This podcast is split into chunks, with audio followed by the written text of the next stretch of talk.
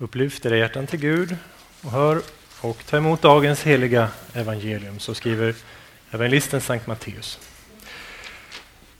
Gå in genom den trånga porten, för den port är vid och den väg är bred som leder till fördärvet. Och det är många som går fram på den. Och den port är trång och den väg är smal som leder till livet och det är få som finner den. Så lyder det heliga evangeliet. Lovad vare du, Kristus. Varsågoda och sitt. När jag skulle förbereda den här eh, predikan så kunde jag inte undgå att börja tänka på, och ni får ursäkta mina lite kanske ovanliga tankebanor, men jag började faktiskt tänka på Johan Ursut. inte så många av er kanske som minns honom, för flera av er var inte födda när han höll på och härjade här i Sverige. Men vissa av er eh, kanske kommer ihåg att han var känd lite som rymmarkungen på 80-talet. Eh, och han rymde bland annat 1988 från Hallanstalten. Och han gjorde det genom att stjäla smör ifrån eh, matsalen. Och så smorde han in sig. Han måste ha bantat en hel del först också, för sen klämde han ut sig genom ett litet fönster som var 49 gånger 17 centimeter. Kan tänka er själv. Ännu mindre kanske. Så 17, där någonstans. Va? Eh, och det kan inte varit lätt. Eh, han hade smör på sig, men ändå. Där kan man prata om en trång port. Om svårt att ta sig igenom. Eh, samtidigt var det värt det för honom. Och min reflektion var att det var väldigt svårt tror jag, att ta sig ut genom den här trånga porten. Men det kan vara ännu svårare för vissa av oss att komma till Jesus. Det kan vara en ännu större utmaning att ta sig till Jesus. Att komma till honom och säga Herre, jag behöver dig. Jag behöver din nåd. Jag behöver din närhet. Jag vet inte om du har varit ute och gått i skogen någon gång. Kanske har plockat svamp någon gång. Någon som har gjort det? Några stycken. Eh, kanske varit ute i annat ärende. Cyklat, kanske. Mountainbike eller varit ute och joggat. Och eh, kanske har du varit ute på en riktigt smal stig någon gång. Jag har varit det i alla fall. Eh, och det slingrar sig fram. Det kan vara svårt till och med att se den här stigen när man går omkring där i skogen. Och Börjar det dugga eller regna så får man se upp hela tiden. Som att det halkar på rötter kanske som har blivit hala och snubblar omkull och det blir lerigt kanske. Och där går man och så hittar man kanske någon svamp här och där. Då blir man glad. Och sen plötsligt så ser man 20 meter fram hur det klanar upp lite grann. Och eh, man känner yes, där kommer liksom gläntan eller där slutar skogen och där börjar den här vägen som är enklare att gå på. Lättnad, eller hur? Åh, vad skönt. Man känner en glädje över bekvämligheten och man har den här svampkorgen i handen och vill hem. Kanske har du också varit ute och kört bil någon gång. Har varit 50-väg, kanske 70-väg, har varit skog på sidorna kanske, kurvigt. Man kan liksom inte riktigt hålla maxfart. Älgar på sidorna, mörkt kanske. Åh, vad jobbigt. Man är trött, man känner liksom hur sömnen kommer bakom ögonlocken. Kanske vissa av er känner nu också. Jag vet inte hur ni mår. Eh, och man eh, längtar hem. Och sen kommer den här skylten med en grön inringad eh, E Eh, ett grönt inringat E-nummer. Och så svänger man av. Vilken lättnad det är, eller hur? Jag har känt det i alla fall. Yes, nu kommer motorvägen. Nu är det highway och så kör man liksom upp till 110 eller 120 kanske till och med. På vissa sträckor får man köra det. Jag ska inte fråga er vad ni kör. Jag ska inte berätta heller vad jag kör. Men eh, man kör i alla fall mycket fortare och det är rak väg. Och det är så skönt. Få känna den här bekvämligheten, lättnaden, Glädjen nästan till och med. Va? Nu är det bara att sätta in cruise control, luta sig bakåt, sätta på radion och sen så är man hemma på 20 minuter. Åtminstone när man är här i Skåne. Det går ju fort att komma hem. Åh, vad skönt! Så känns det ju. Och Jesus han talar ju om det här med stigarna och vägarna, med ingången till Guds rike idag. Och vi kan känna igen det här, att det är bekvämare, mycket, mycket enklare med en bred dörr, en bred påfart och en bred väg. Och det är en utmaning med den här stigen som är smalare, den är krångligare att gå på och den är svårare kanske att hitta också. Och vi skulle kanske vilja ha mer att välja på. Jesus ger oss inte det. Det är ju bara faktiskt en, en motorväg och sen är det den här smala stigen. Ibland kan vi kanske känna att åh vad skönt det hade varit om han istället inbjöd till, ja det finns massa lite olika vägar här. Det går liksom små stigar lite här och var. Och, och man kan ta ett steg tillbaks och man kan liksom sätta sig och, och vila sig lite grann. Man behöver inte välja. Men Jesus ger oss inte den möjligheten utan han är väldigt tydlig med oss idag i dagens evangelium. Det finns två vägar och varje antydan om någonting annat innebär egentligen att vi kommer in på den här bredare vägen. Det finns en smal och en bred. Och de här gråzonerna som det pratas om ibland, det är nog kanske snarare vår eget, vårt eget sätt att vilja gömma oss för de här alternativen som Jesus ger oss. Istället ställer Jesus oss inför ett val. Han ställer oss inför ett val. Och det är ett val som egentligen kräver en respons. Att vi säger Jesus, jag vill gå din väg. Jag vill lyda dig. Och visst är det så att det är lättare att följa samhällets normer till exempel. Det är lättare att följa tidstrenden. Det kräver inte att man står upp. Det kräver inte det här modet. Det kräver inte förberedelserna i bön kanske. Det kräver inte att man fördjupar sig i bibelordet. Det är bara att hänga med, som en död fisk, ni vet, som flyter med strömmen.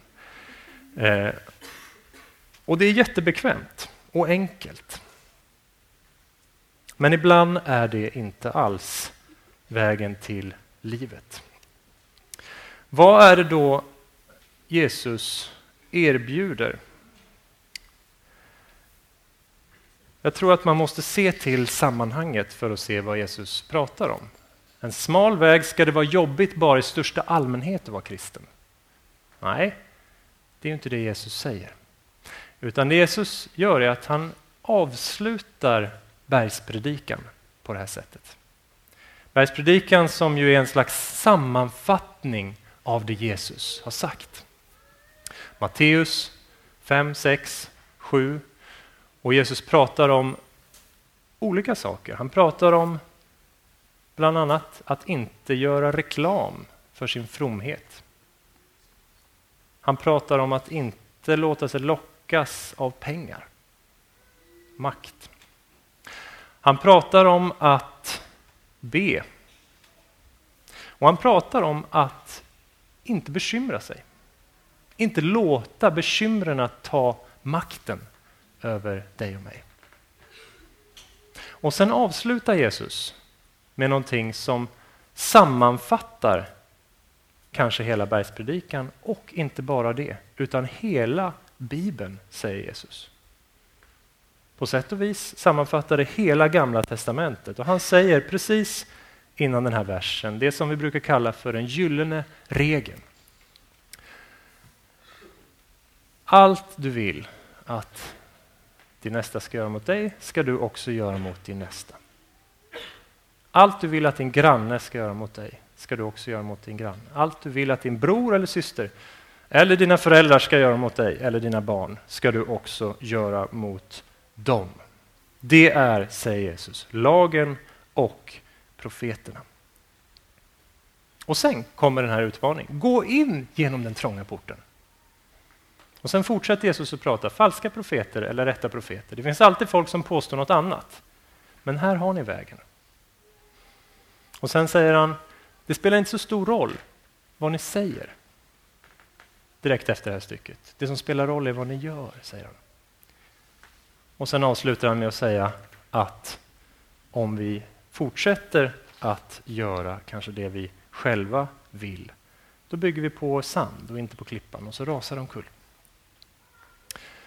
Allt du vill att din nästa ska göra mot dig ska du också göra mot din nästa. Och Den här regeln den finns sammanfattad i massa olika andra sammanhang fast alltid med negativa eh, förord. Allt du inte vill att din nästa ska göra mot dig ska du inte heller göra mot din nästa. Buddhistiskt ordspråk. Judiskt ordspråk i Talmud från Hillel, en rabbi, en lärare som var innan Jesus. Eh, som sa att eh, om du... Ja, han sammanfattade det här på ett negativt sätt också. Med negativa ord. Men Jesus är den enda som säger i positiva ord. Det utmanar oss till att vara kreativa, till att tänka efter. Vad skulle jag faktiskt vilja att Pelle här gjorde mot mig idag? Ja, och kanske bjöd på kaffe och liksom hjälpte till lite, gav en stöt i ryggen och sen så bad för mig ikväll. Och sånt där. Det är ungefär kanske. Ja, får jag göra likadant. Utmaning till att vara kreativ. Och det är en trång port. Det är en trång port och det är svårt. Och Det kan vara kanske lite lättare när vi står i ett sånt här sammanhang. Det är läger om man liksom är gasad kanske, eller har varit i alla fall innan sista dagen. Men det är svårare när man vaknar upp på morgonen och barnen skriker eller när frun har synpunkter eller när man kanske har en storbror eller lilla syster som kommer in på rummet och börjar vilja låna kläder eller något sånt där. Ja, det är där det sätts på prov, är det inte det? Och på något sätt, och ni måste förstå mig rätt här, det måste man väl alltid, så är de här frukterna, Andens frukter, mätbara nästan kan man säga. Alltså Jesus han bryr sig i och för sig om vad vi känner, men, men han bryr sig också kanske mer om vad vi gör. Jag kände inte för att vara kristen idag. Nej, men det känner inte jag heller för, alltid. Jag känner mig inte alltid så gift heller, men jag är ändå gift. Eh, och det är det som spelar roll. Eh, glädjens frukt. Blev man glad eller inte? Var man irriterad eller inte? Fridens frukt. Blev det bråk eller inte? Tålamodets frukt. Blev man arg eller blev man inte? Den trånga porten som Jesus erbjuder är att välja en annan väg än den som kanske oftast är den lättare. Och att inte bara tänka på det som, faktiskt, det som Jesus säger, utan att också faktiskt göra någonting. Det är en måttstock i vilken vi kan spegla våra liv, det här gyllene regeln, för att kanske få ett hum om vårt andliga tillstånd. Kan man spegla sig i en måttstock? Frågar någon. Ja, det går jättebra. Det finns skillnader mellan stigen och vägen. Stigen bjuder ett visst motstånd. Det gör inte vägen. Stigen kräver på något sätt att man tränar upp sig lite grann. På en smal stig kan man inte somna till på samma sätt som man kan på motorvägen. Det är lättare när man sitter och kör där att ögonlocken liksom dimper ner och så är man över på andra sidan. Men det går inte på stigen på samma sätt. Ordet väckelse handlar just om det. Att vara vaken i relation till det Jesus säger. Att inte somna till. Om vi somnar till och någon kommer och väcker oss, ja, alltså vi vet alla hur man känner, man liksom är yrvaken, ah, gå härifrån. Och så där kan vi alla reagera när Guds ord slår till. Ah, eh, vad är det här? Ja, jobbigt. Jag vill vila. Ungefär så när Guds ord drabbar oss och kommer och säger Gå ut och gör alla folk till lärjungar, till exempel. Eller kom till mig, alla ni som är tyngda av bördor. Ah, det kan jag väl inte göra. Jag måste göra något åt det här själv. Ja. En sanning från Guds ord. Att vakna. Man tvingas också till en viss uppmärksamhet på stigen. Eh, det behöver man inte på motorvägen heller. Det är ofta viltstängsel. Va? Älgarna hålls på avstånd, rådjuren, igelkottarna. På stigen måste man hela tiden ha lite koll. Vad är det som händer omkring mig? Var vaksamma och nyktra, säger Paulus. Er fiende djävulen går omkring som ett rytande lejon. Vaksamhet behövs. Och det blir vi när vi går framåt på stigen och inte stannar vid de hala och svåra partierna som känns jobbiga. Utan vi fortsätter framåt och fortsätter att gå. Det är omöjligt att vara kristen. Jag kommer inte förbi den här terrängen. Ja, men fortsätt. Försök att fortsätta gå. Man tvingas också ibland till ett visst tankearbete. Var tog den där stigen vägen? Alltså ibland så blir den så smal att man inte ser den. Var ska jag sätta foten nu? Och det är ganska vanligt. Det är svårt att urskilja vad är Guds vilja i den här situationen. Man behöver kanske läsa Bibeln. Hör och häpna. Man behöver kanske vända sig lite till den kristna traditionen, läsa någonting från någon annan som har varit där förut och sagt ta lite mer till vänster här så snubblar du inte. Då kommer du upp för backen och sen så är det nedförsbacke ett tag. Det är jobbigt nu va, men det blir bättre. Bönens skola. Kämpa på och sen så kan du få ett genombrott. Eller så fortsätter det vara jobbigt. Jag vet inte vad de säger. Men det kräver ibland ett visst tankearbete och bara den som är riktigt nära Jesus ser var stigen går. Och ibland kan det hända att den leder lite andra vägar än majoritetskyrkan i Sverige går. Och bättre uttryckt, inte bara den som håller sig nära Jesus, utan den som låter Jesus hålla sig nära sig själv. Den som låter Jesus hålla sig... Hur, hur säger man? Ni förstår vad jag menar. Samtidigt så märker vi också någonting. Att efterföljelsens stig är också lätt. Den är smal och den kan vara svår att finna, men den är lätt att gå på. Jämförelsevis är den mycket lätt att gå på. Den kan verka svår och krånglig.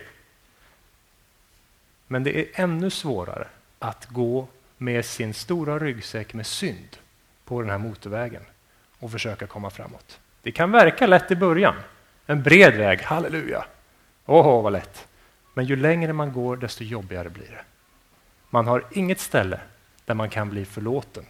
Som det var en gammal eh, officer som sa hade haft mycket problem med alkohol, som var med i kyrkan där jag jobbade förut. Och han sa så här, det är bra för oss som behöver bli förlåtna att det finns något som kallas synd.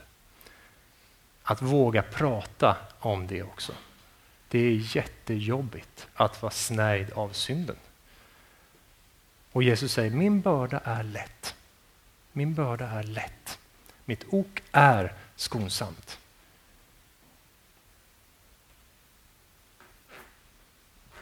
Och det kan vi lita på. Synden ger sur eftersmak, dåligt samvete. Det förkrymper våra liv och dränerar oss på andlig kraft och den är tung att bära.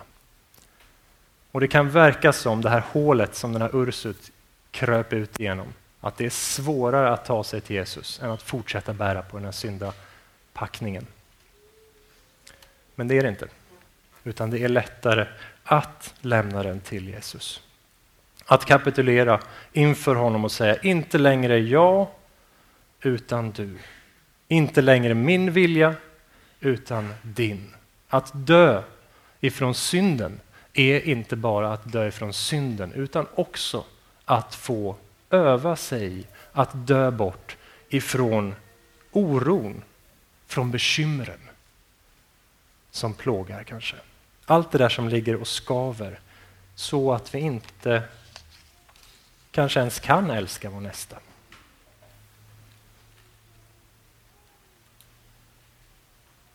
Det viktigaste när vi går på stigen är att inte stanna när vi ramlar omkull. Det är så lätt att man ramlar omkull Man attraheras av någonting bredvid. Och så går man så här rakt fram och den är ganska smal och så ser man där upp och det här var ju häftigt. Wow! Och så börjar man hålla på lite med och så ramlar man omkull. Men att istället då fortsätta ut på stigen och resa sig upp igen och gå vidare. Då finns det ingenting som kan hindra. Och här ligger någonting av kärnpunkten i dagens predikan. Säger som många brukar säga att kommer du inte ihåg någonting så kom i alla fall ihåg det här. Och det är liksom det enda man kommer ihåg av predikan, att predikanten har sagt så. Men, eh, men jag ska ändå säga det. Och jag ska läsa ett ställe från Hesekiel kapitel 2.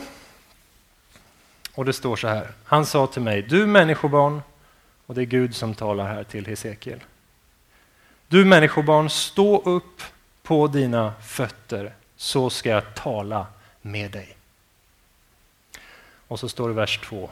När han talade till mig kom anden in i mig och reste mig upp på mina fötter och jag hörde honom tala till mig. Där ligger nyckeln och kärnpunkten i dagens predikan. Jesus befaller kom och följ mig. Res dig upp och gå på den här smala vägen. Han kallar dig och mig till det idag. Men problemet är att vi kan inte ens ge respons på det själva. Utan vi behöver ta emot kraft att resa oss från Gud själv. Kraften att säga vårt ja. Vi kan bestämma, jag vill säga ja. Men sen kraften att göra det och att gå kommer från Gud själv. När han talade till mig kom anden in i mig och reste mig upp på mina fötter. När vi faller och när vi fortsätter och går den kristna vägen, att förlita oss på be om den helige Andes bistånd och kraft i vandringen. Och förlita oss på att det är han som gör att jag överhuvudtaget kan leva som kristen. Det är inte bara frälsningen som är Jesu verk. Det är han som överhuvudtaget gör att det varje dag, centimeter efter centimeter på efterföljelsens stig, gör det möjligt. För det finns också ett bibelställe som säger att den här trånga porten, det är Jesus själv. Jag är grinden. Jesus själv är porten. Och Jesus är inte bara porten, utan han är också vägen. Det är han som är centrum. Och det kan ge oss en enorm tillförsikt, en enorm frid i det här med att vara kristen. Att det hänger inte ytterst på mig, utan det hänger ytterst på Jesus och det han har gjort på korset för din och min skull. Och vi kan inte pressa oss till att vara bättre kristna, utan vi måste vara oss själva om vi ska kunna komma framåt på något sätt. Och det är därför, eftersom Jesus är porten och vägen, den trånga porten och den smala stigen, som den här lilla judiska sekten inte förblir en liten judisk sekt för 2000 år sedan, utan på några hundra år tar över dåtidens största politiska makt och blir en maktfaktor att räkna med det är därför som 400 människor per dygn kan ge sitt liv för Jesus idag. Och det är därför som kyrkan idag är starkare än någon annan religion eller någon annan rörelse. Kyrkan växer fortare. Det beror på att Jesus Kristus är Guds son och han har uppstått från de döda. Därför så finns det hopp för också vår ganska sargade, krympande och lilla kyrka i Sverige idag. Därför att han har sänt sin ande också till oss. Så att vi inte fåfängt behöver kämpa oss fram, för det har han redan gjort. Och han vill möta oss och fortsätta bära oss framåt på den här vägen. Och vi kan komma till honom i bönen och vi kan komma och möta honom i ordet. Och vi kan få ta emot honom själv i sakramenten och vi kan få ta del av honom i den kristna gemenskapen. Och när vi låter honom hålla oss nära sig själv, då kan vi genom Guds nåd få förbli på den smala stigen.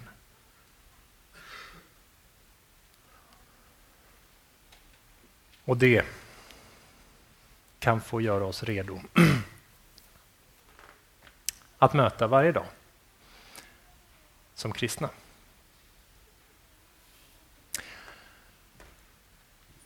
Amen.